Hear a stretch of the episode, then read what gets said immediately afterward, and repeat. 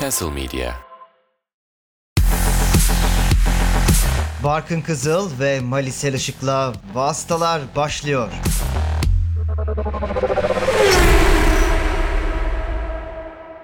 Castle Medya'da Vastaların 93. bölümüne hoş geldiniz. Galaxy Z Fold 4'ün destekleriyle yayınladığımız podcast'imizde Amerika Birleşik Devletleri Grand Prix'sinin ardından sizlerle birlikteyiz. Ben Barkın Kızıl, Malis Erişik'le beraber biraz yarışı konuşacağız. Ardından bu bölümde sizlerden gelen sorulara da cevaplar vermeye çalışacağız Mali ile beraber. Mali hoş geldin. Hoş bulduk. Güzel bir yarış izledik. Ee, şampiyonluğun belli olmasının ardından, sürücüler şampiyonunun kim olduğunu görmemizin ardından belki biraz daha sıkıcı bir sezon devamı bizleri bekliyor olabilir gibi bir tablo oluşurken aslında yarışta olan olaylarla beraber e, eğlenceli bir pazar akşamı geçirdik diyebiliriz herhalde. Şöyle bir genel değerlendirme yapalım dilersen başta. Sonra e, haftanın hızını ikiye katlayan pilotunu da oradan bağlayarak konuşalım. Ya tabii Formula 1'de geçtiğimiz yıl çok istisnai bir yıldı. Genellikle hep bahsettiğimiz şey o şimdiye kadar da yani 93 bölümde mutlaka değinmişizdir diye düşünüyorum. Ya şampiyona mücadelesi yani şampiyonluk çekişmesi keyifli oluyor. E, puan tablosu çok keyifli oluyor. Ya da yarışların kendisi keyifli oluyor. E, bunların ikisinin de olmadığı da olabiliyor tabii yani bir pilotun alıp götürdüğü ve yarışların bile o kadar keyifli olmadığı zamanlar oluyor. Ama genellikle ikisinden biri keyifli oluyor. İkisinin bir arada olduğu çok nadir sezonlar var. O işte hem yarışlar keyifli hem şampiyona Geçen yıl çekişmeli. mesela dediğimiz onlardan bir tanesi Geçtiğimiz oldu. yıl çok istisnai yıllardan biriydi gerçekten. Sezonun başından sonuna bir de bu bahsettiğim. Sezonun bazı noktalarında e, rekabetçi bir durum ortaya çıkabiliyor ya puan durumunda ya yarışlarda. E, o yüzden evet şampiyona bitti ama yarışların keyfi ya da yarış kazanma keyfi bitmedi. Bir de tabii şampiyona takımlar şampiyonası, markalar şampiyonası yeni bitti. Onun dışında Verstappen bir rekorun peşinde. E, Lewis Hamilton kendi rekorunun peşinde. Daha doğrusu kendi rekorunu tek başına e, almak istiyor artık yani 15 yıl boyunca üst üste her sezon en az bir yarış kazanmış olacak. Onun peşindeydi burada. Ee, Yani herkesin bir motivasyonu var tabii ki yani yarış kazanmak için ekstra bir motivasyona, bir istatistik motivasyona da ihtiyacınız yok ama e, bu durumun ortaya çıkabileceği fırsatlar da gelebiliyor. Onun dışında arka sıralar, orta sıralarda da yine e, puan anlamında çok yakın takımlar var. E, her takımın puan için belli bir şeyi var. Yani takımlar şampiyonasının da pilotlar şampiyonasının da e, şampiyonluk kısmı haricinde yani birinci sıra hariç arkasında pek çok mücadele var. Sezon o anlamda pek bitmiş değil yani. O yüzden de ve yeni otomobillerle de bence bu pistin güzel uyumlu olduğunu gördük. E, yani şampiyona açısından evet bir ilan oldu. Markalar şampiyonluğu Red Bull aldı ama zaten sürpriz değildi. Bir noktada alınacaktı. Ama yarış gerçekten çok keyifli oldu. Arka sıra mücadeleleri, orta sıra mücadeleleri, liderlik mücadeleleri, geçişler, kovalamaca, işte hatalar, kazalar falan derken sezonun en güzel yarışlarından biri oldu. Belki ilk üçe bile yazabiliriz. Öyle bir düşünmek gerekiyor. Sezon sonunda zaten bunun listesini yaparız. Ben çok memnunum. Yani zaten Austin güzel bir yer. Texas o kadar güzel bir yer değil Austin onun içerisinde daha iyi bir yer. E, pist güzel Circuit of the Americas. Zemin hala problem çıkartıyor onu da birazcık seviyorum. Yani zemini yenilediler.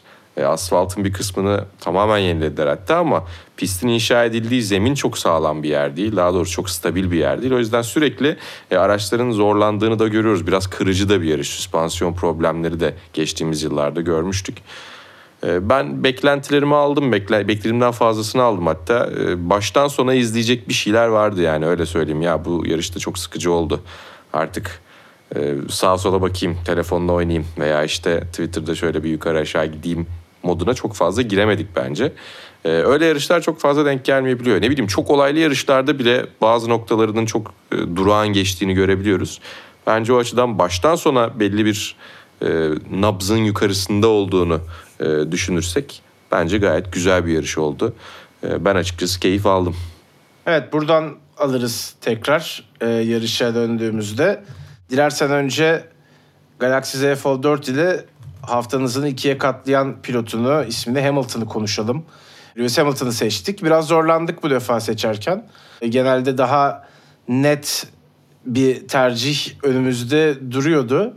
Bu defa birkaç aday çıktı. İşte Verstappen ile ilgili konuştuk. Vettel ile ilgili, Alonso ile ilgili yine onları da seçebiliriz diye konuştuk. Bence Lökler'i de zaten konuşuruz bölüm içinde değerlendirmemiz gerekliydi ama e, nihayetinde Hamilton'dan bahsetmeye karar verdik bu segmentte. Neredeyse bir yarış galibiyeti geliyordu. Sezonun başından şöyle bir baktığımız zaman Mercedes'in aslında hiç yarış kazanma umudu olmayacak gibi bir tabloyla sezonu açtık.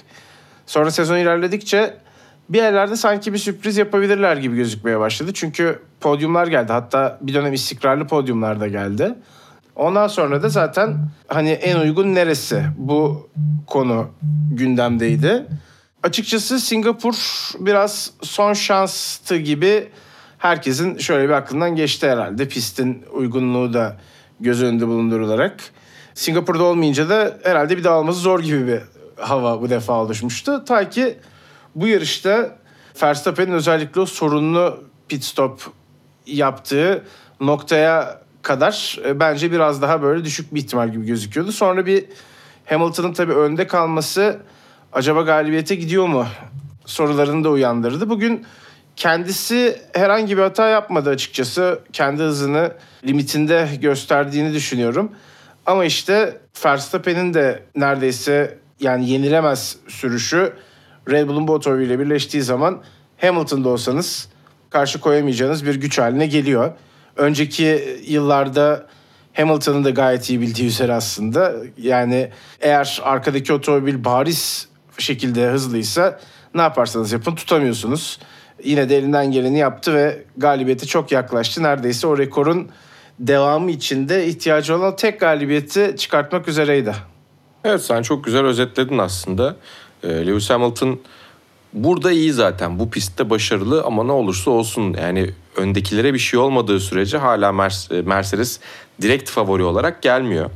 Belki sezonun geri kalanında bir iki fırsat daha olabilir işte yani sezonun son yarışları artık ama e, en çok yaklaştığı yer burasıydı. Arkasında da Verstappen dışında kovalayan başka bir pilot olsaydı herhalde e, yarışı da kazanırdı. E, ama gerçekten Mercedes'in sezonun başından bu yana baktığımızda sadece bu yarış özelinde değil belki ama e, gerçekten hızını tam anlamıyla ikiye katlaması. Lewis Hamilton'ın hem özgüvenini hem hızını bu hafta sonu ikiye katlamış olması onlar için çok olumlu. Çünkü iyi bir otomobil olduğunda hala orada olabileceğimi hissettim diye bir açıklaması var ki bu bence çok önemli. E, 2023'te de bence 2022'yi bitirdikleri noktadan e, devam edecekler. Orada da bir e, hızını ikiye katlama durumu olacaktır diye düşünüyorum. E, ya keyif verdiler bir de ne olursa olsun Lewis Hamilton'ı galibiyet mücadelesi verirken görmek e, bence Formula 1 için değerli, kıymetli. E, bir de tabii artık e, her zaman hegemonya içerisinde olan, hegemonyayı kurmuş olan, üstünlük kurmuş olan pilot ya artık diğerleri kazansın olgusunu, duygusunu da beraberinde getirir. E, Lewis Hamilton 103 galibiyetle artık tabii ki Formula 1'de daha fazla galibiyete ihtiyacı olan bir pilot değil ama ihtiyacı kadar kazanıyor olsaydı zaten 103 galibiyete ulaşmazdı. Ve güzel bir mücadele gördük. Tabii ki lastik farkından dolayı da e, Verstappen çok rahat bir şekilde geçti. Ardından Hamilton arkasına takılmaya çalıştı. E, normalde benzer lastik şartlarında olsalardı bu yıl e, çok daha fazla birkaç tura yayılan ikili mücadele gördük. Öyle bir şey de görmek isterdim. Sezon bitmeden kendilerinden rica ediyorum. Umarım bu ricamı kırmazlar. Evet ben genelde Mercedes ile ilgili bütün rakiplerin problem yaşadığı bir senaryoda galibiyet mümkün diye düşünüyordum. Aslında bu yarış biraz öyle oldu. İşte Verstappen'in e oldu. sorunlu pit stopu, Leclerc'in yarış öncesi cezasıyla geriye düşmesi, Perez'in hemen e, yarışın başlarında kanadını kırması, Sainz'ın Sainz zaten yarışın neredeyse başlamadan bitmesi Sainz için. Russell yine ceza almıştı, gerilerdeydi. Yani tam böyle ideal senaryo oluştu aslında. Bundan daha uygununu da bulmak kolay olmaz muhtemelen bundan sonraki yarışlarda. Ama yani fırsat kaçtı da demek zor. Hamilton gerçekten hızlıydı, elinden geleni yaptı. Sadece yeterli olmadı demek lazım herhalde. Evet. Bu şekilde de haftanın hızını ikiye katlayan pilot segmentimizi bitirelim. Tekrar şöyle bir grid'e odaklanalım. Ee, tabii Red Bull Markalar Şampiyonası'nda şampiyonluğunu ilan etti. Ee, onların da Sebastian Vettel'in kurduğu dominant dönemden bu yana ilk takımlar şampiyonluğu oldu. Beşinci şampiyonluklarını aldılar. Ee, ama maalesef Dietrich Mateschitz bu şampiyonluğu göremedi. Ee, Red Bull'un kurucularından bildiğiniz gibi. Ee, ve Red Bull'un aslında bu spor yapılanmasında da üst akıl diyebiliriz herhalde. Ee, yani bu vizyonu ortaya koyan önde gelen isimlerden bir tanesiydi. Belki en önde geleniydi. Ee, maalesef hayatını kaybetti. Bu şampiyonluktan hemen önce olması da tabii ki e, hem galibiyetin hem gelen şampiyonluğun anlamını da biraz da arttırdı muhtemelen. Evet yani şey çünkü e, Dietrich Mateschits'in e, Formula 1'e motor sporlarına ve spor dünyasına e, kazandırdıkları yani gerçekten kendi özverisiyle ortaya çıkabilecek bir şey. Çünkü e, Red Bull e, zamanında e, bir enerji içeceği markası. Ondan önce aslında Tayland'da e, Krating Deng diye bir e, enerji içeceği var. Bunu işte e, gazlı hale getirip Avrupa'da satıyor e, ve yine o Tayland'daki şirketle ortak bir şekilde. E, ardından ki bunu zaten e, sevgili Serhan Acar ve Yiğit Tezcan'la e, pazar günü Beş Kırmızı Işık'ta da konuşmuştuk.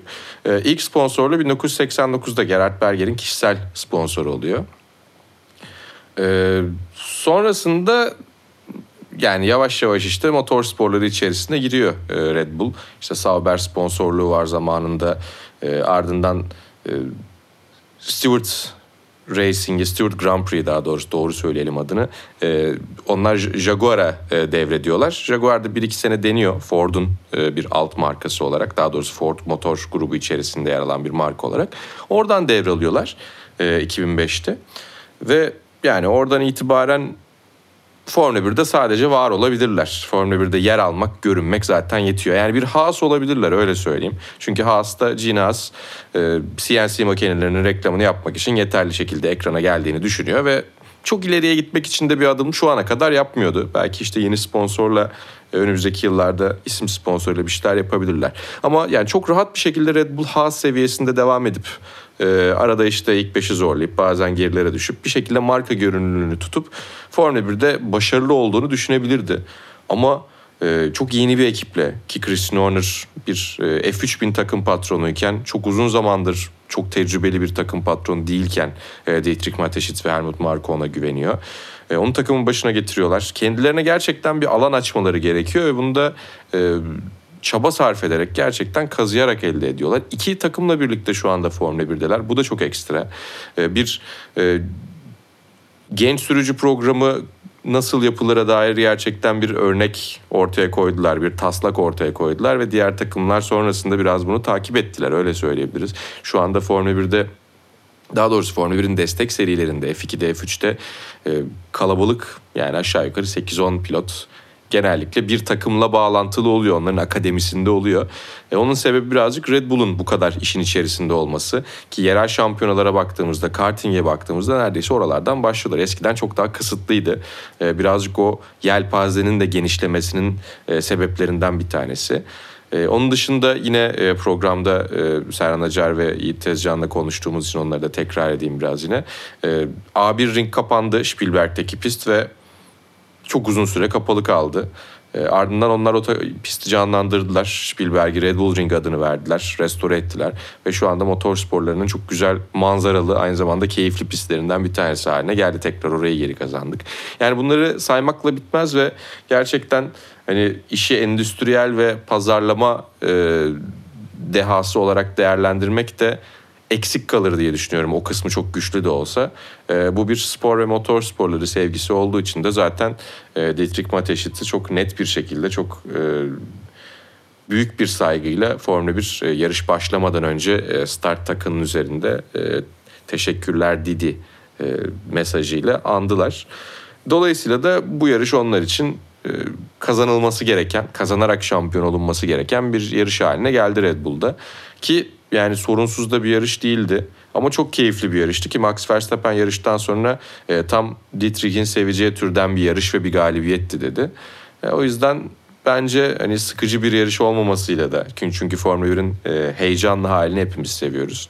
E, diğer taraftan da şampiyonluğa ulaşılmasıyla e, tam Dietrich Mateschitz'in sevebileceği tarzda bir yarış Max Verstappen'in de söylediği gibi. Evet zaten Red Bull'un yani sadece motor sporları da değil böyle büyüklü küçüklü çok fazla sporla da iç içe olduğunu söylemek lazım. Futbol takımları zaten oldukça ünlü onlar malum. Onun dışında işte Yani uçak bile yarıştırıyorlar. Air Race var. Vardı. Ee, Ha, yelken takımı seriydi. var mesela Red Bull'un. Ee, ya onun dışında mesela dağ bisikleti açıp izliyorsunuz. Red Bull sporcuları var. Paraşütçüler var, kayakçılar var, kızakçılar var. Ee, yani her yerde o anlayışı e, yaşatmaya çalışan bir markanın bir numaralı ismiydi aslına bakarsanız. O anlamda da sadece aslında Formula 1'i motor sporları olarak da düşünmemek lazım bence. Ee, zaten buradaki hem etkisi hem katkısı ortada Red Bull'un. Ee, diyelim ve dilersen biraz Verstappen'den bahsederek devam edelim. Ee, çünkü hem puan rekorunu hem yarış galibiyeti rekorunu kovalamaya devam ediyor. Aynı zamanda elbette üst üste galibiyetleri sıralıyor ki kariyerinin sonunda kaç galibiyet olacak onun hesabının da tutulmaya başlanması bence çok saçma ve absürt değil şu anki tabloda. Yani Max üç haneli birden fazla düşününce- pilot olursa ben gerçekten çok şaşırırım diye düşünürdüm. Hamilton Sen kazanırken. şey diyordun değil mi? Hani yıllarca gelmez zaten hani. 100 Daha- ne ya diyorduk ama 91'e de öyle söylüyorduk. Demek ki olabiliyor acaba olabiliyor mu yani insan bir şey yapıyor. Korkuyor da demek istemiyorum tabii ki. Verstappen'in 100 yarış kazandığı bir Formula 1 illa çok tek taraflı ve keyifsiz olmak zorunda değil. Ama bir taraftan rakipleri için korkutucu bir ihtimal öyle söyleyeyim. Evet yani bir koca jenerasyon neredeyse şampiyonluksuz geçmiş oluyor gibi bir şey. Eğer o kadar Ee, istikrarlı tabii. kazanacaksa. E, tabii yani 33. zaferini aldı onu da söyleyelim. E, Red Bull zaten sezon açılışı hariç tüm yarışlarda ilk iki sırada en az bir otomobil bulundurdu. 8 yarıştır kazanıyorlar. Fransa'dan beri kaybetmiyorlar bir başka deyişle. E, Max Verstappen de önümüzdeki yarışı kazanırsa bir sezonda en çok puan alma rekorunu kıracak. Yani sen zaten e, eşitlediği e, rekordan bahsettin. E, 13. yarışını kazandı ve e, Michael Schumacher ve Sebastian Vettel'in şu anda paylaştığı rekoru eşitledi. Bir yarış daha kazanırsa kıracak ki muhtemelen 16 kıracak. sürpriz olmaz. E tabii yani Açıkçası. üç, kalan 3 yarışı da kazanabilir. Neden olmasın? E, önümüzdeki yarışı kazanırsa e, bir sezonda en çok puan alma rekorunu kıracak dedik. E, 2019'da Lewis Hamilton 21 yarışta e, 413 puan toplamıştı. 20 yarışta e, onun üzerine çıkma ihtimali var. E, ama tabii bunu yeni puan e, sistemiyle ve yani kalabalık takvimi göz önünde bulundurarak değerlendirmek gerekiyor. Çünkü e, 2002'de Michael Schumacher'in şimdiki puan sistemine uyarlarsak 17 yarışta 398 puan toplamış. Yani toplam puanın %84'ü yüzde olarak hala en dominant sezon. E, orası görünüyor. Ama yani Formula 1'in son dönemi olarak bakabiliriz. Yeni puan sistemine geçildi de bayağı oldu çünkü artık. Yani hani e, o yüzden e, artık Formula 1'de bu puan sistemiyle de çok elimizde veri yok diyeceğimiz yıllardan uzaklaşıyoruz. Yıllar hızlı bir şekilde ilerliyor. E, Ama gerçekten çok özel işler yapıyor ve bu sezonun bu noktaya gelebileceğini ben hala ilk başlarda hiç tahmin etmiyordum. Hala da düşününce şöyle bir kendi kendime vibe ediyorum yani. Çok hızlı koptu ve çok inanılmaz bir şekilde tek taraflı hale geldi. Ve yani tek taraflı olmayan yarışlarda dahi bir şekilde kazanmayı başarıyorlar. Çok çok çok acayip bir iş. Evet yakın yarış farklı yarış çok fark etmiyor. Dediğin gibi e, tabii bu da korkutucu yani şimdiden bu kadar daha sadece iki şampiyonluk almışken mesela hani sadece yarış galibiyeti değil şampiyonluk rekorunu da şimdiden konuşmaya başlamak hem erken gibi hem piste bakınca çok normal gibi yani bir değerlendirme yapmak kolay değil hakikaten ama tabii dengeler de değişebilir sonuçta e, otomobille de çok alakası var. Verstappen hep bu seviyede olsa da hiç şampiyonluk alamayabilir bir daha. E, dolayısıyla değişkenlerin etki edeceği bir konu olarak tabii görmek lazım. E, Russell Sainz kazasından da dilersen bahsedelim. Hamilton'la biraz Mercedes konuşmuş olduk aslında. E, yarışın daha yani başlar başlamaz e, olaylı geçeceğinin belki de bir işaretçisi oldu. Carlos Sainz'ın cumartesi günü gayet iyi bir performansı vardı. Belki yarış galibiyetini düşünerek uykuya daldı o akşam ama e, sonrasında yarış başlayınca kabusa dönüştü bu durum. E, Russell'ın çok ciddi hatası olduğunu herhalde çok tartışmaya gerek yok. Sainz kendi Yok yarış %100 çizgisinde hatalı. 8'de 9 kusurlu. virajı dönüyor. Yani orada da e, bam diye bir temas kaçacak. bir Güzel bir efektmiş. Teşekkür ederiz. Ee, rica ederim. O yüzden Russell'a çıkan ceza da bir ceza olarak haklı. Cezanın sertliği belki tartışmaya açık olabilir. Bir de Kurallara tabii- göre doğru ama kural böyle kalmalı mı? Belki o konuşulabilir. Yani kendi içinde tutarlı o yüzden o, o kısma girdiğimizde sportif regülasyonları baştan yazmamız gerekiyor. Belki de gerekiyordur bu arada. Yani o konuda da ciddi anlamda eksiklerini görüyoruz bu sezon FIA'nın.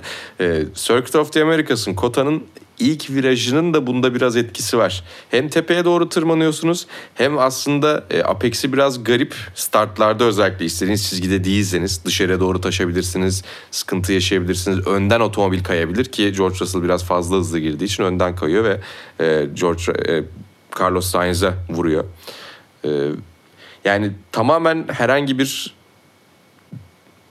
daha nasıl söyleyeyim e, az zorluğa sahip ya da işte e, ilk virajda sıkıntı yarat yaratma ihtimali daha düşük bir e, ilk virajda George Russell biraz daha etrafını kollayabilirdi diye düşünüyorum. Onun çevresel farkındalığı o konuda iyi. Ama ne olursa olsun burada sonuna kadar hatalı e, ve Carlos Sainz'in yarışını da mahvetti açıkçası. E, dediğim gibi yani Kota'nın ilk virajında böyle bir durum var bence. E, startlarda özellikle ekstra dikkatli de olunması gerekiyor tabii ki. Yani pilotların böyle bir problem çıkabileceğini öngörüp veya böyle bir hata yapılabileceğini öngörüp e, bence ilk virajlarda biraz daha temkinli olmaları da gerekiyor. Özellikle de yarışın önüne doğru e, start alan, gridin önlerinden start alan pilotların. O yüzden Carlos Sainz'e yazık oldu. E, George Russell'a yazık etti. Bu kadar net.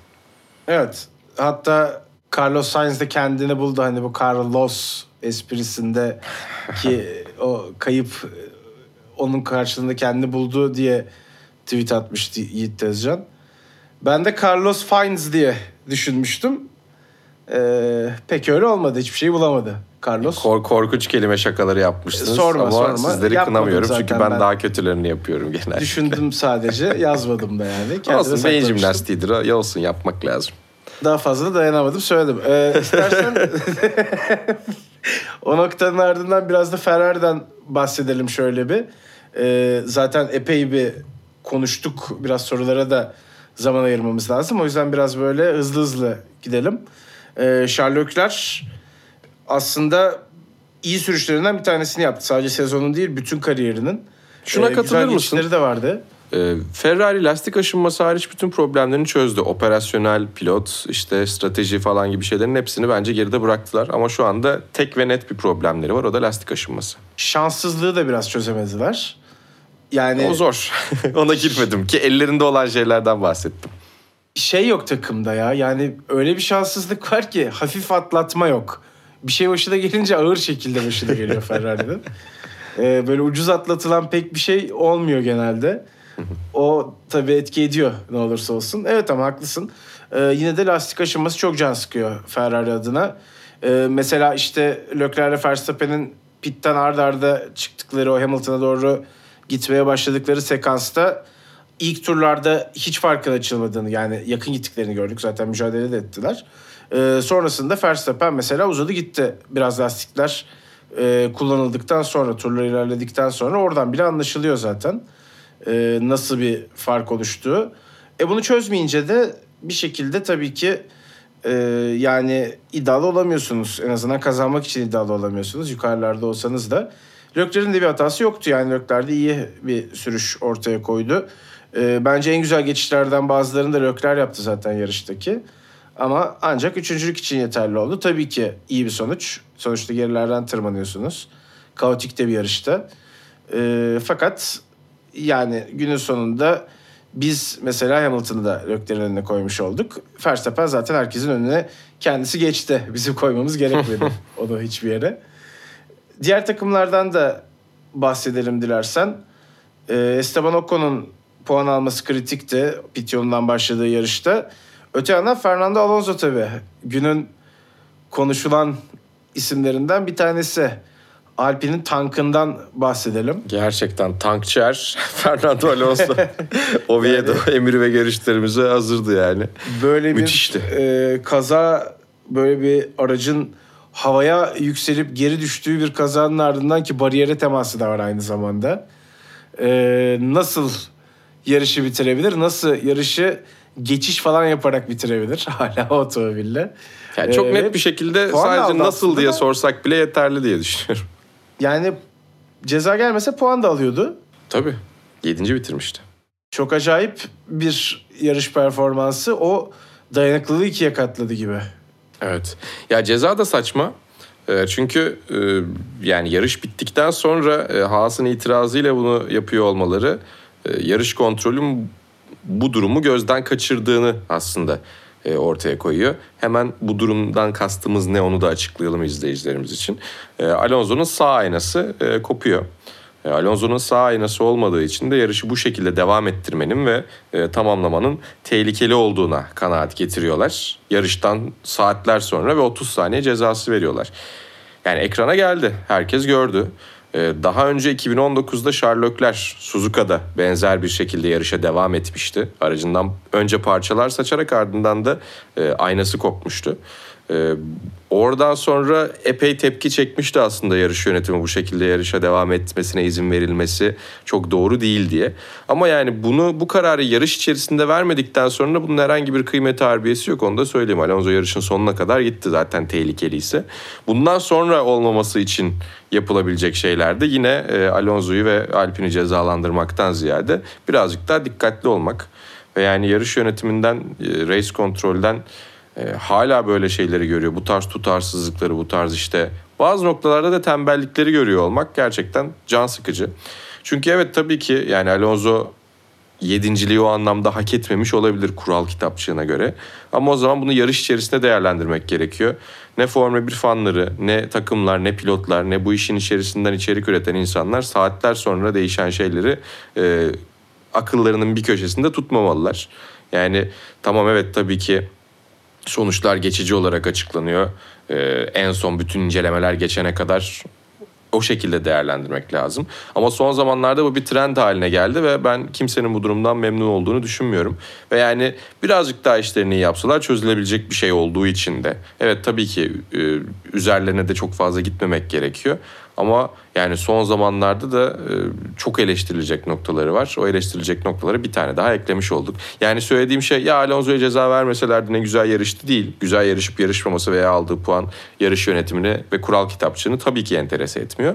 Ama bunu yarış süresi içerisinde kendileri fark edip Haas'ın e, protestosunu e, görmeden kendileri fark edip yapabilselerdi en azından işin içerisinde kafa karışıklığı yaratan veya sonradan değiştirmesi gereken durumlar olmazdı. O yüzden bence biraz garipti. Ama tabii ki Alonso'yu hem fiziksel olarak e, o kazadan e, fiziksel olarak sağlam bir şekilde çıkıp yarışa devam ettiği için hem de Alpine'i e, tam anlamıyla bir e, tank ürettiği için tebrik etmek lazım. Evet, e, biraz dayanıklılık sıkıntıları da olan bir takım olarak düşünüyorduk ama enteresan şekilde gerçekten burada e, gövdenin en azından çok sağlam olduğunu görmüş olduk. Yarış kontrol açısından da sadece şunu ekleyeceğim. Yani bizim ulusal yayında o aynanın düştüğünü gördüğümüz bir ortamda onların zaten kaçırması mümkün değil. O yüzden senin de dediğin gibi daha hızlı karar almaları gerekiyordu. Zaten hani e, bu kuralda da belli cezayı onun üstünden veriyorlar. Yarış bitmeden o cezanın da çıkmış olması bence e, her zaman işin tadının kaçmaması adına önemli oluyor. Ee, onun dışında Fethel'i biraz tabii konuşmak lazım. Aslında Aston Martin'ler iki otomobiliyle birden hızlıydı. Yarış başında Stroll de çok iddialı noktalarda geziyordu. Ee, Fettel zaten daha da uzun tuttu bu süreci. Takımına, pit ekibine mağlup olana kadar demek lazım belki. Ee, gayet iyi bir performans ortaya koyuyordu. Veda turnesinde diyelim. Ee, şöyle bir güzel kota sonucu çıkartabilirdi. Ama olmadı. Ee, onun dışında yani yapabileceğinin hepsini yaptığını düşünüyorum ben Fethel'in. Ee, bu defa da pit, pit ekibinden dolayı Hı, e, evet. bir şekilde yine olmadı Fethel için. Zaten bu olduramama meselesi de biraz Fethel'in başına bela oldu bence Red Bull yıllarından sonra. Evet ya ilk 5'te bitirebilirdi bu yarışı. Podyum çok mümkün görünmüyordu. Ama ya yine de tabii ki özel bir performans sergiledi ve taraftarlar da günün pilotu seçerek bence bunu taçlandırdılar. Ki zaten e, Circuit of the Americas onun adına piste ağaç dikmişti. Böyle güzel işte barış ve sevgi temalı kaskla çıktı. Biraz günün pilotu olması pist üstünde yaptıklarının dışında bıraktığı etkiyle de bence e, paralel gidiyor diye düşünüyorum. Tabii onun dışında Aston Martin gerçekten toparlamış görünüyor. Ee, takımlar şampiyonasında Alfa Romeo ile puan farkı 1'e indi. Ee, Alpine olsam ben e, ya bu aynalara da o kadar gerek yok. Bakın Stroll herhangi bir şekilde kullanmadan e, yarışı sürdürüyor deyip bir karşı protesto yapabilirdim. Çünkü yani Stroll Alonso kazasının üzerinden birazcık konuştuk kazanın sonrasından ama kazanın sebebi de %100 Stroll. E, etrafına çok fazla bakmamayı tercih ediyor bazen. Ben hala şaşırıyorum ona. E, iyi de bir pilot olarak ama yani o yüzden de kazaya sebebiyet verdi zaten. Yani Lance Stroll'un aracının darmadan olduğu bir noktada Alpine nasıl devam etti? Onu hala merak ediyoruz bir sürede ara ara aklımıza gelecek yani şöyle bir 2-3 ayda bir e, tweet'e atılabilecek bir konu diye düşünüyorum. Bu araç bu kazadan sonra yarışa devam etti ve 7. bitirdi diye. Evet ya bir de Fernando Alonso'nun başına gelmesi de ekstra bir miza unsuru katıyor işin içine. E, Alonso ile ilgili şakaları da oraya bağlayabilir hale geliyorsunuz. e, veteran şampiyonlardan iyi yarışlar diyebiliriz Hamilton'ı da dahil edersek. Biraz böyle bu yarışın özeti böyle oldu. Hatta bütün şampiyonlarda Verstappen de kazandı sonuçta. Ee, Williams'tan da çok kısa bahsedelim dilersen. Ee, onlar da eğer süper lisansı çıkarsa Logan Sargent'la önümüzdeki yıl yarışacaklar. Ee, ve iyi bir pilot ikilisine sahip olacaklar bence. Sargent ve Albon e, yani Latifi günleri düşünüldüğü zaman zaten iyi seçimler Williams evet. için. E, dolayısıyla belki biraz daha ilerilere adım atmak için de önemli bir fırsat olabilir. E, bu arada sen de belirtmişsin. Porsche ile ilgili dedikodular çıkmaya devam ediyor. E, öyle bir katkı olursa da tabii kısa vadeyi bilemem ama uzun vadede hakikaten çok güçlü bir projede görebiliriz. Williams'la Porsche bu arada daha önce e, birlikte çalıştılar. E, Williams'ın mühendislik e, kısmı e, Porsche 918'in hibrit kısmını bataryasını hatta sanıyorum e, üretmişti. Orada bir ortak çalışma içerisindelerdi. Yani bir de bir taraftan tabii Jost Capito'nun Volkswagen grubundan e, Williams'a geçiş falan derken arada organik bağlar da var. Ama tabii Porsche imza atana kadar ben söylentiler hala söylenti kalacak diye düşünüyorum. Çok güzel bir marka olmasına rağmen yıllardır biz biraz oyalıyorlar. E, tabii Logan Sargent muhtemelen alacaktır süper lisansı. Şampiyonada istediği noktada 28 ee, süper lisans puanı oldu. 40'a ulaşması gerekiyor. Ee, yani şampiyonada da ilk 7 içerisine girdiği takdirde buna ulaşabiliyor gibi bir durum ortaya çıkacak. İşte e, ceza puanı almadığı için oradan eklenecek. iki serbest antrenmana daha çıkacak oradan birer puan falan derken. Bir yarış kaldı zaten onu da altını çizelim. Tabii yani e, tek yarışta o kadar gerilemesi, tek yarış değil daha doğrusu tek roundda iki yarışta o kadar gerilemesi de çok mümkün değil. Ama tabii ne olursa olsun başvuruyu erken yapması lazım. Ben geçen gün pasaport yenilemeye gittim. E, ehliyet sırası bütün o e, nüfus dairesi işlemlerini şey yapıyor. Yani orada bir sıra var onun basımı, şusu busu falan bayağı bir sürer. E, önümüzdeki Mart'a yetiştirmesi için biraz acele etmesi de gerekiyor. Bence randevuyu şimdiden alsın. Evet bakalım nasıl bir e, pilot dizilimi bizleri bekliyor olacak. Aynı zamanda nasıl birliktelikler başlıyor ya da bitiyor olacak onları göreceğiz. E, Porsche olacak mı herhalde? Büyük sorulardan bir tanesi gerçekten. E, böylece Formula 1'i bu bölümlük e, noktalayalım en azından sorulara kadar. Şöyle bir diğer serilerde neler oldu? Oraya geçmeden onları... önce bir şeye değinmek istiyorum. Yani Formula 1 tarihinin en kötü damalı bayrak sallayan konuğuydu e, Apple'ın e, CEO'su Tim Cook. Böyle hareketlere de çok fazla gerek yok demek ki. Yani evet oraya gelen ünlüleri iyi ağırlamak gerekiyor. İşte VIP konukları iyi ağırlamak gerekiyor. Ama ben orada bir fan çekilişinden e, kazanan seyirciler arasından kazanan birinin damalı bayrağı sallamasını daha çok isterim. Hem orada olduğu için mutlu olur, inanılmaz bir coşkuyla bunu yapar. Hem de gerçekten o anın kıymetini bilecek insanlar olurlar diye düşünüyorum. Korkunç bir manzaraydı yani. Yani ustayı omuzlarından tutup sallasalar bayrağı sabit tutarken daha güzel bir görüntü olurdu muhtemelen. Ya, rezalet gerçekten hiç. Ya orada ne işi varı da konuşabiliriz de VIP kısmı zaten e, iki taraftan da bakılması gereken bir şey.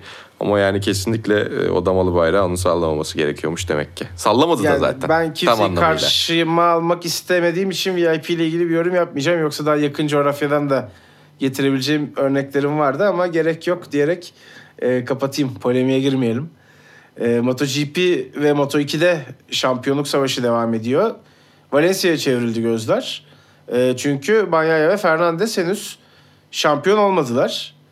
E, bu tabii önemli bir belirsizlik olarak e, hala ortada. Kimin şampiyon Hatta Ayogura e, son turda düşerek avantajı Augusto Fernandez'e verdi. Orada da ilginç bir durum ortaya çıktı. E, 9,5 puan farkla gidiyor Augusto Fernandez. Peko zaten şampiyon olmak üzere. E, Yani 25 puana çok yakın bir fark olduğu için hani şey lazım. Fabio Quartararo'ya e, Nicky Hayden 2006 vari bir mucize lazım. Orası çok kolay gibi değil. Evet kolay değil. Mucizelerden biraz daha bahsedeceğiz zaten. Öte yandan Moto3'te de e, John McPhee yarışı kazanırken Deniz 10. sırayı aldı. E, McPhee de gerilerden 22. sıradan start aldı diye sen de notunu zaten düşmüşsün. Yaş haddinden dolayı önümüzdeki yıl Moto3'te yarışamayacak birinin 22. sıradan kalkıp yarış kazanması Evet. Beni birazcık rahatsız ediyor. Bir de İngiliz medyasının, Britanya medyasının e, ortalama sporcuları çok fazla gazlaması beni biraz irite ettiği için John McPhee normalde sempatik bir isim olmasına rağmen kendisine çok fazla sempati duyamıyorum. Bu da benim ayıbım olsun. Kendisini tebrik ediyoruz. E, Deniz de 25. sıradan başlamıştı. 10. sırada yarışı bitirdi. Ona da tebrik edelim. Puan aldı. E, Superbike Dünya Şampiyonası da Arjantin'deydi San Juan'da. E, orada da cumartesi günü biraz toprakla üzüldük. Yerde kaldı. Biraz fazla zorladı açıkçası şansını. E, kurtaramadı pozisyonu sonrasında. Yere düştü yani. Yani kaçamadı kazadan öyle söyleyeyim. E, sonrasında bir puan çıkarttı toparlayıp. Ve artık şampiyona yavaş yavaş da bitmek üzere. Alvaro Bautista hakikaten çok kuvvetli bir performans gösteriyor. Burada da yine iki yarış daha kazandı. Ve e, bitti yani neredeyse şampiyona. 82'ye çıktı puan farkı. Artık Bautista'nın yani yarış bitirememesi gerekiyor gibi bir durum var. Dört yarış daha var önümüzde bu arada. Daha doğrusu altı yarış var iki hafta sonu. E, kolay değil. Ama Toprak'ın da ikincilik şansı kuvvetli şekilde devam ediyor. Pazar gününde de Toprak bir galibiyet bir de ikincilik çıkarttı. Onu da söyleyelim. Süper Pole yarışını kazandı. İkinci yarışta da ikinci sırayı elde etmeyi başardı. Ama işte Bautista kazanınca çok da bir işe yaramamış oldu maalesef. E, Can Turin önünde kalmaya devam ediyor bir yandan. O tabii ki olumlu. En azından şampiyona ikinciliği için avantajlı konumda. E, tebrik ederim yine galibiyetler geldi. Aslına bakarsanız daha bir galibiyet geldi ama galibiyet eklemiş oldu Toprak öyle söylemek lazım. Ee, Süper Sport'ta da Can Öncü çok iyi işler yapıyor. Bir dördüncülük, bir yedincilik. O da şampiyonada üçüncü basamakta bu arada. Onu da Evet. Yeri de sağlam gibi yani tebrik etmek sanki. lazım. Yeri de sağlam. Ee, bir yandan Can'ın rakipleri de tabii bir numaralı rakibi Nikola Bulega o gerilerdeydi. Ee, bu da Can için avantaj. Orada da Dominik Egerter bir kez daha hafta sonunun iki yarışında kazandı.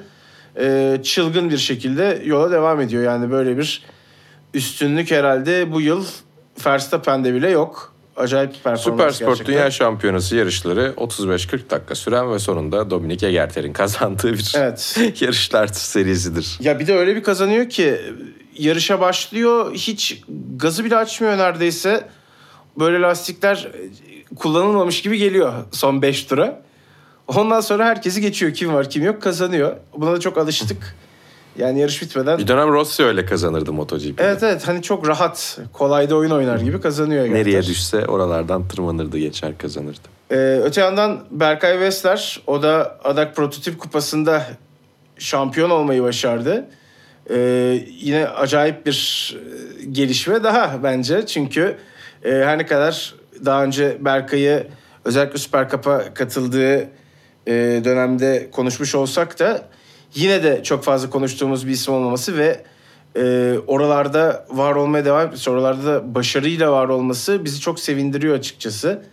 E, kendisini de tebrik edelim. E, ona da şöyle bir tebrik mesajını iletmiş olalım.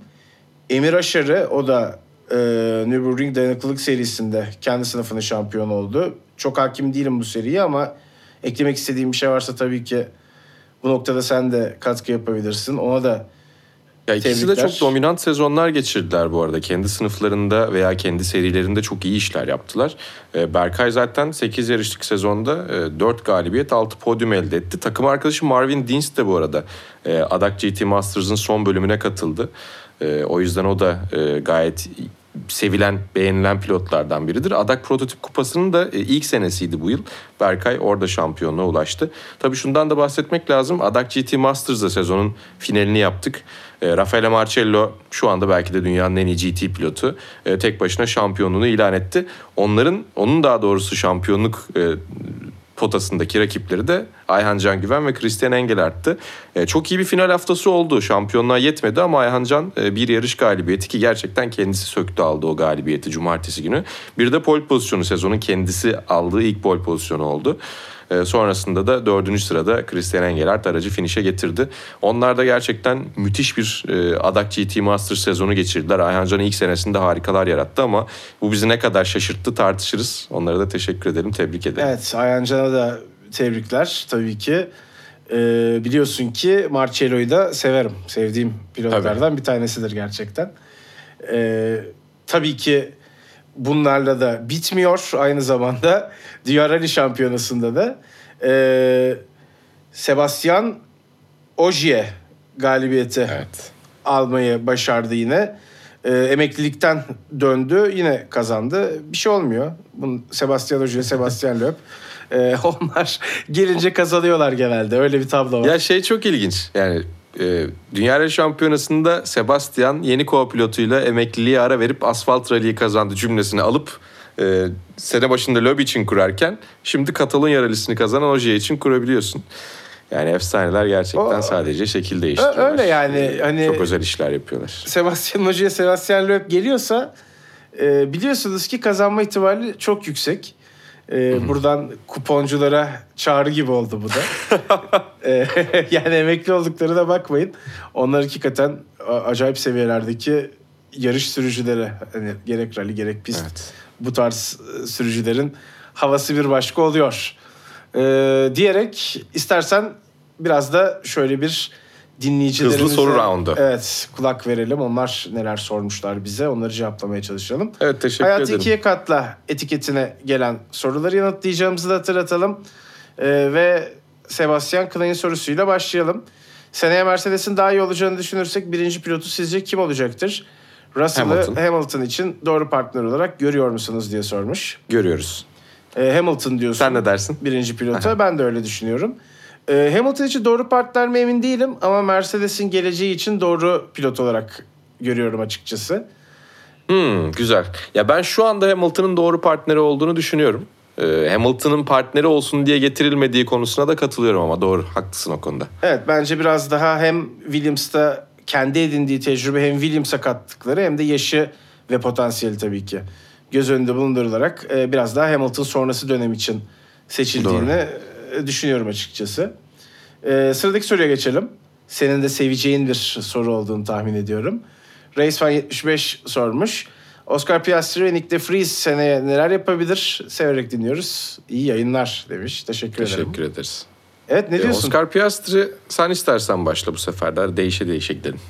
Ben ikisinden de oldukça umutluyum açıkçası. Ee, Formula 2 ve Formula E şampiyonları. Ee, zaten De Vries'in yaşı da biraz var. Ee, çok tecrübesiz bir isim değil yani uzun süreler dünya şampiyonası seviyesinde yarışmış bir isim. iddialı yarışmış bir isim aynı zamanda. Kafaya da oynamış bir isim. Ee, zaten buradaki tek tecrübesi de bize neler yapabileceğini şöyle bir ufak trailer olarak da olsa gösterdi. Ee, o yüzden sürpriz sonuçlar almasını bekliyorum ben. Yani hani o fırsat penceresi açılınca e, bazı ölçekteki takımlar için oraya gidip o puanı almak önemli diye konuşuyoruz ya seninle de.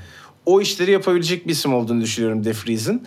E, Piastri de zaten beklentisi oranında e, bir beceri ortaya koyacaktır bence. E, Alpin olmaması hatta bence iyi bir oldu Piastri için. Böylesine bir Daniel Ricciardo sezonundan sonra Norris'e karşı e, gösterdiği en ufak e, sükse kırıntıları bile Piastri'nin hanesine direkt artı olarak yazılacaktır bence. Yani bence de Oscar Piastri'yi şöyle bir düşünüyorum. Yüzde olarak Lando Norris'in puan, aldığı puanların önümüzdeki yıl yüzde 60 ile 70'ini alsa ben bunu başarılı olarak addederim. Onun üzerine de çıkabilir ama aşağısında kalacağını çok düşünmüyorum. Ee, ilk 7-8 yarışta muhtemelen bir alışma süresi olacaktır ama e, oradan sonra alışma noktasından sonra tabii ki takımın da otomobilin de durumuna bağlı olarak e, güzel yarışlar, güzel sürüşler ilk 5 içerisinde yer alabilme ihtimalleri e, mutlaka olacaktır. Nick De Vries de Yuki Tsunoda'nın önünde yer alacak diye tahmin ediyorum. Çünkü hakikaten e, pişerek gelmiş bir pilot. E, tecrübeli bir pilot ve e, tabii ki onun da bir alışma süreci olacak ama burada mesela Piastri De Vries'i şu şekilde ayırabiliriz. Nick De Vries'in 3-4 yarış içerisinde ben alışmış olacağını düşünüyorum. E, Oscar Piastri için bu süreç biraz daha uzun işleyebilir. E, ya birinden önümüzdeki yıl takım arkadaşına nispeten yakın kalmasını, diğerinden de takım arkadaşını geride bırakmasını bekliyoruz. Ee, diğer sorumuza geçelim. Serkan Arıca sormuş. Sorum ikinize de son 10 yılda bir yarış anlatma şansınız olsa hangi yarışı anlatmak isterdiniz? Yani çok özel yarışlar anlattık zamanında. e, çok farklı serilerde. E, o yüzden böyle ya şu olsaydı da keşke anlatsaydım diye aklımın kaldığı bir şey şu anda düşündüğümde hatırlamıyorum. E, ama yani güzel zamanlar, güzel yarışlar anlattığımız oldu. Açıkçası 2016 e, Le Mans 24 saat çok dramatik bir finişti. Orada son dakikalarda kabinde olmuş olmak benim için keyifliydi. Toyota'nın son dakika. Yani keyifli değil de daha doğrusu özel bir durumdu yani. Hani çok neler oldu falan diye gerçekten e, kafayı yediğimiz diyeceğim bir e, yarıştı. Kiloma 24 saat zaten çok keyifli. Herhalde e, en sevdiğimiz e, anlatımlar, en sevdiğimiz zamanlardır diye düşünüyorum. Onun dışında da çok güzel, çok keyifli yarışlar anlattık. O yüzden hani aklıma böyle direkt bir şey gelmiyor. Ama e, olursa bundan sonra e, aklımızda bulunsun. Güzel soru. Ben de geçen seneki sezon finalini anlatmak isterdim. O drama tam benlik açıkçası. E, o tarz gerilimleri severim. E, Çok gergin bana. Ya işte senin de Kolay dediğin gibi aslında bir de hani anlatmak isteyebileceğim şeylerin büyük kısmını da anlattım. evet o konuda çok Hani şanslıyız yüzden- yani. Bize fırsat veren Evet. herkese teşekkür ederim. Aynen öyle. Yani çok da şey yapamıyorum. Ah ya bunları Öyle bir kaçırdık. eksik hissetmiyor insan yani. Hani bize güzel fırsatlar geldiği için, verildiği için, bu fırsatlar tanındığı için. Yani Salih Yoluç'un Le Mans zaferini anlatma şansına sahip oldum. Mesela Toprağın evet doğru. Superbike şampiyonluğu. işte Ayhan Can'ın zaten e, zaferlerini uzun süre anlatabildim neyse ki. E, o yüzden ben de herhalde geçtiğimiz yıl o tarihe geçecek sezon finali diyebilirim Formula 1'de. Abu Dhabi Grand Prix'si olarak yanıtlayayım. E, bir sonraki sorumuz rotasız seyyah. iki sorum olacak demiş. E, Formula 1'de puan sistemini ideal buluyor musunuz? Alternatif öneriler konuşuluyor. Bilginiz var mı? Ee, aynı zamanda en hızlı tur puanı uygulamasına da gerek var mı demiş. Ben yine kısa başlayayım Mali sonra sana bırakayım. Hı hı. Ee, puan sistemi yani az çok zaten hani hep böyleydi gibi çok uzun süredir. O yüzden hani alternatifleri ne konuşuluyor ben bilmiyorum açıkçası. Ee, ideal bulduğumu söyleyebilirim. Bence fena bir puan sistemi yok. Ee, ve en hızlı tur puanı da yarışa ekstra bir lezzet katıyor. O ekstra küçük pit stopla alınan risk vesaire benim hoşuma gidiyor açıkçası. Evet pit stop e, ve senin de söylediğin gibi daha doğrusu en hızlı tur puanında öyle bir ekstra durum ortaya çıkıyor. Bir takım riskler alabiliyorlar bazen tutturamayabiliyorlar. Belçika'da Ferrari'nin yaptığı gibi. Bence çok güzel bir tat kattı. Ve bir puan olması da bence yeterli yani. Çok fazla bir e, puan da üzerine koymuyorsunuz. Pole pozisyonuna ekstra puan verilmesi düşünülür mü diye şöyle bir e, arada e, bazen haberler de geliyor gidiyor. Belki öyle bir şey ekleyebilirdim. Bence Ama bence olur. form ya Karşısına işte çıkmam yani bu fikir olarak. Evet değil mi? Güzel olur. Ya bir de şey var şimdi. E, Formula 1'de şu anda bence e, düzeltilmesi gerektiğini düşünmediğim iki tane e, sistem var diyeceğim ya da iki tane olgu var. Bunlardan bir tanesi puanlama sistemi. Bence gerçekten ideal noktaya geldi. Değiştire değiştire ufak tefek oynaya oynaya.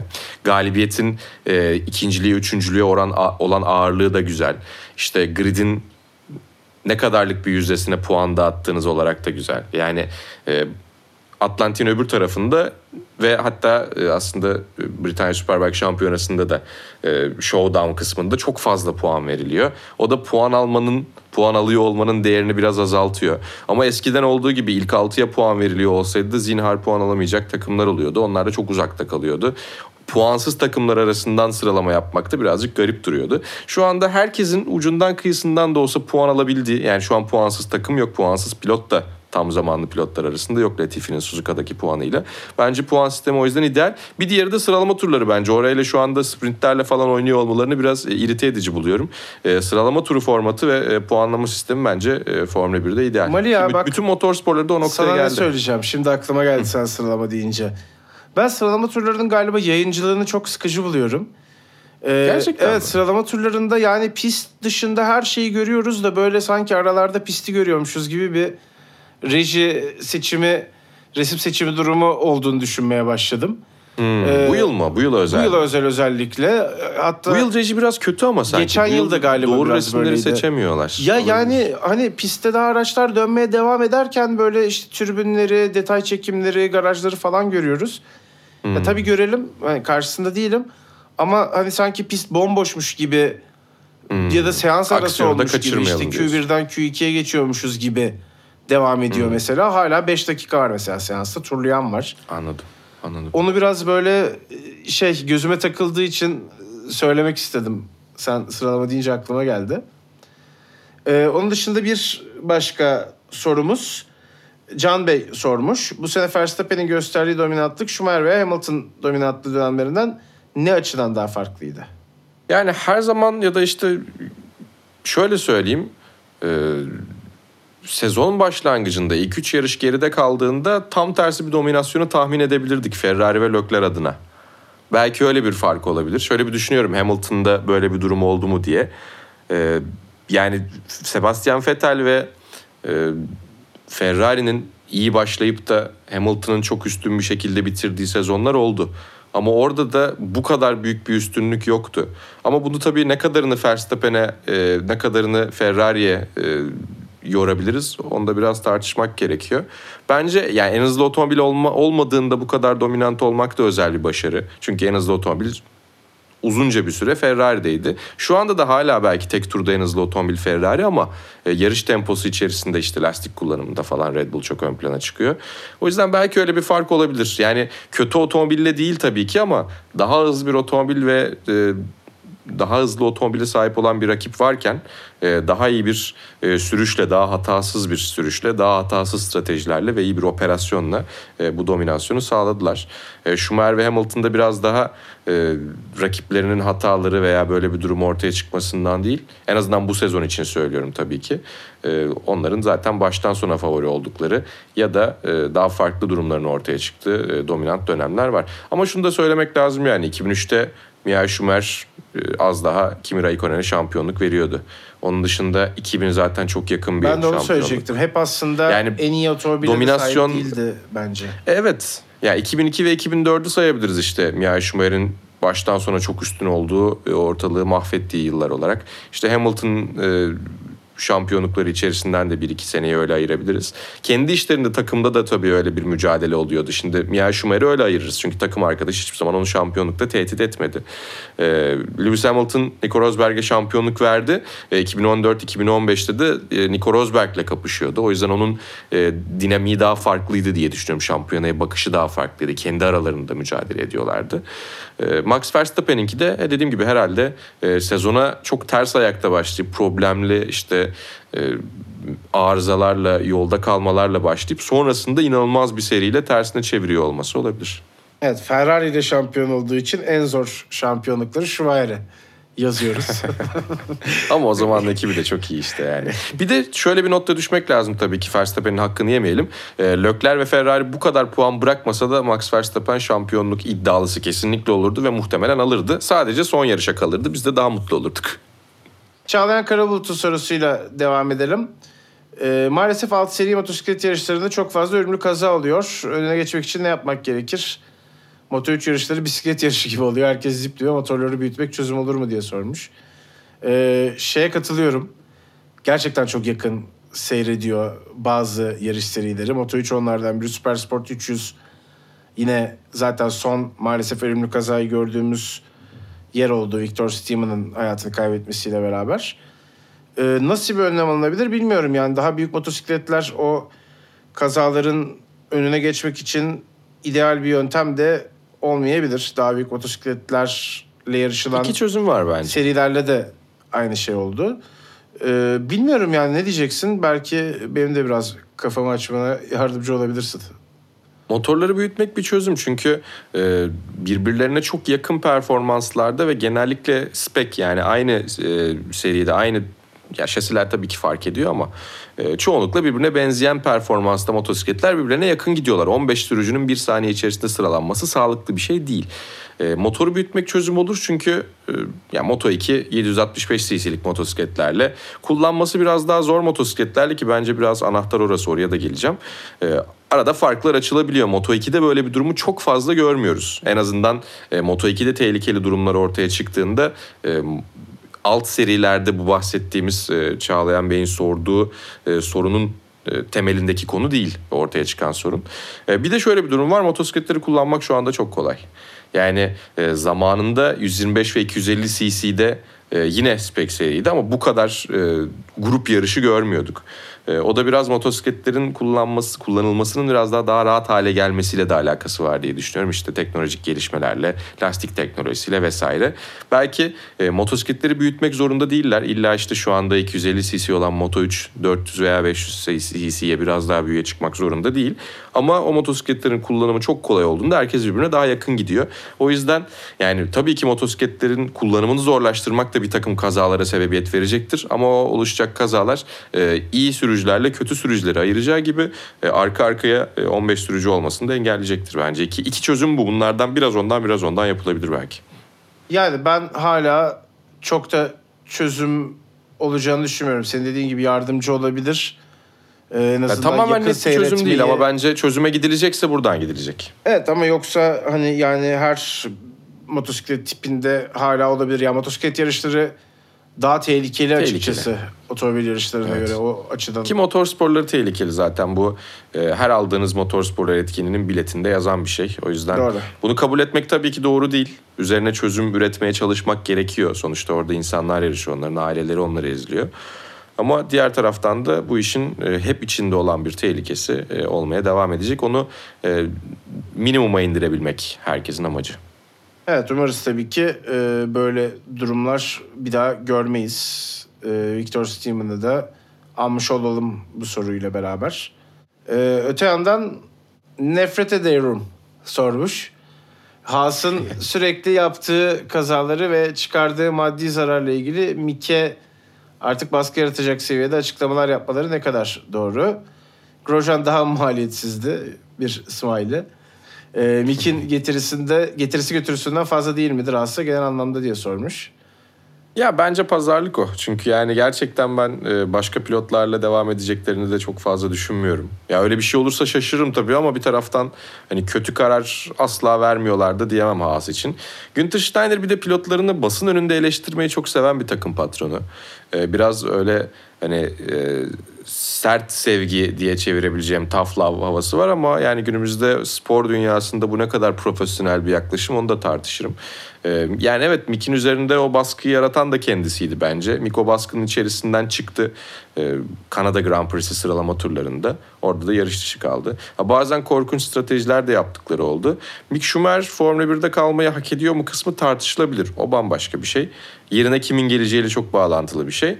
Ama diğer taraftan da bence kesinlikle haksızlık yapıyorlar. Grosjean daha mı maliyetsiz de çok makul bir soru. Ama Grosjean yarışıyorken ona da yükleniyordu e, Günther Steiner. O yüzden biraz e, suçu da Steiner'da veya sorunu da Steiner'da aramak gerekiyor olabilir. Bir iletişim problemi bence var. E, Mick'in getirisi getirisinden fazla değil midir e, Haas'a genel anlamda? Muhtemelen çünkü yani soyadından dolayı bile ciddi bir sponsor potansiyeli var. E, ama e, o işte One and One'un sponsoru Eins und Eins mı acaba bilmiyorum. Alman bir sponsoru var. Birkaç tane de ufak tefek sponsorlar getiriyor. Ya onun maliyet hesabını yapmak tabii ki e, sezon sonunda e, mutlaka e, basında göreceğimiz bir durumdur. Ama yani ölçülebilir ve ölçülemez faydalara bakıldığında tabii ki Schumacher isminin Formula 1'de olması ve onun Haas takımında yer alıyor olmasının bence kesinlikle faydası vardır. Evet sen de son cümlende söyledin. Ben de biraz o ölçülemez faydalardan bahsetmek de lazım diye düşünüyordum. Çünkü Mick Schumacher ismi olduğu zaman sadece sponsor çekmek değil aynı zamanda ilgi çekmek de çok daha kolay. Ee, biraz daha konuşulan bir takım haline de geliyorsunuz ister istemez. Ee, dolayısıyla bence hala zaten hani tam olarak buraların seviyesinde olmadığını da göstermiş değil Mick Schumacher. Evet şeyi bekliyorduk. İlk yılın çaylaklığını attıktan sonra daha iyi olmasını bekliyorduk aslında. Belki o düzeyde olmadı henüz. Ee, ama ben de senin gibi e, tekrar deneyeceklerini düşünüyorum. Yani Mick'le bir yıl daha gideceklerini düşünüyorum. Ee, Steiner konusunda da yani söylediğin her şey doğru açıkçası. o baskıyı seviyor pilotların üzerine yıkmayı. Ee, iyi mi yapıyor, kötü mü yapıyor tartışılır. Ama yani Magnussen Haas'la devam ediyorsa bu zaten hani onlar için pozitif bir şey. Magnussen'in Haas'ın üzerinde bir pilot olduğunu çok söylüyorum. Ee, ve onun dışında da Mick Schumacher bence iyi bir tamamlayıcı parça diye düşünüyorum. Grosjean'dan da daha maliyetsizdir tabii ki.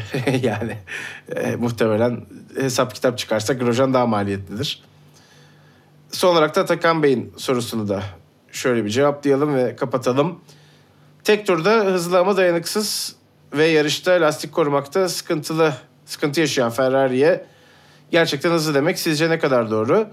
Bugün hasarlı kanatla Perez Mercedes'i yakalarken Leclerc'in tırmanmakta zorlanmasının buna iyi bir örnek olduğunu düşünüyorum demiş Atakan Bey. Yavaş demekten daha doğru bence.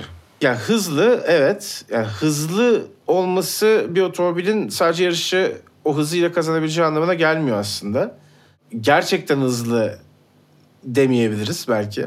Yani o gerçekten Ha hızlı yani evet olabilir. bir tırnak içine alıp. Ama Formula 1 tarihinde hep olan bir şey bu. Yani e, 2005'te MP420'ye e, yavaş bir otomobil diyemezsiniz. O da çok hızlı bir otomobil, dayanıksız bir otomobildi. O yüzden şampiyon olamadı. Yani sezonun en hızlısı denilebilir bazı noktalarda. Bazı noktalarda denilemez. Ya bu kadar net bir ayrım hızlı ya da yavaş gibi böyle ortaya büyük bir çizgi çekmenin çok doğru olduğunu düşünmüyorum. O yüzden bence hızlı denilebilir tabii Ya işte ki. cumartesi günlerinin en hızlısı mesela. Şimdi böyle bir Ha, otomobile yani. nasıl hızlı demeyeceğiz? Bu da doğru olmaz bir yandan. Ee, yani ben de şöyle düşünüyorum açıkçası. Ee, illa hızlı denmesi için yarış kazanıyor olmasına gerek yok. Yani Alpine de hızlı bir otomobil yaptı mesela bu sene. Hızlı bir araç ama başka taraflardan sıkıntıları da olan bir araç diye konuşmak lazım. Bir de Perez yükselebiliyor diye, e, Perez'in otomobili hızlı diye e, Lökler'e hızlı diyemiyoruz gibi bir durumda yok. Yani sadece bir otomobile hızlı diyebiliriz. Geri kalanlarına hızlı diyemeyiz gibi bir durumda yok bence. Ya Perez'in otomobili daha hızlı, Lökler'in otomobili de hızlı. Ya ben Yarış doğrusunu şöyle düşünüyorum. Hızlı ama lastikleri fazla yiyen bir otomobil demek lazım. İşte cumartesi pazar ayrımı ya onu çok net bir şekilde söyledim bence. Ee, o zaman bu şekilde de e, değerli dinleyicilerimizden hayatı ikiye katla etiketine gelen soruları da şöyle bir yanıtlamış olduk. Cevap veremediklerimizden özür dileyelim. Ee, mümkün mertebe gördüğümüz bütün soruları almaya çalıştık ama programın da bir süresi var ki zaten bir saate aşmışız. Ee, o yüzden Dolu dolu oldu. yavaş yavaş kapatalım. Ee, önümüzdeki hafta Meksika Grand Prix'sinin ardından tekrar görüşünceye dek şimdilik hoşçakalın. Hoşçakalın.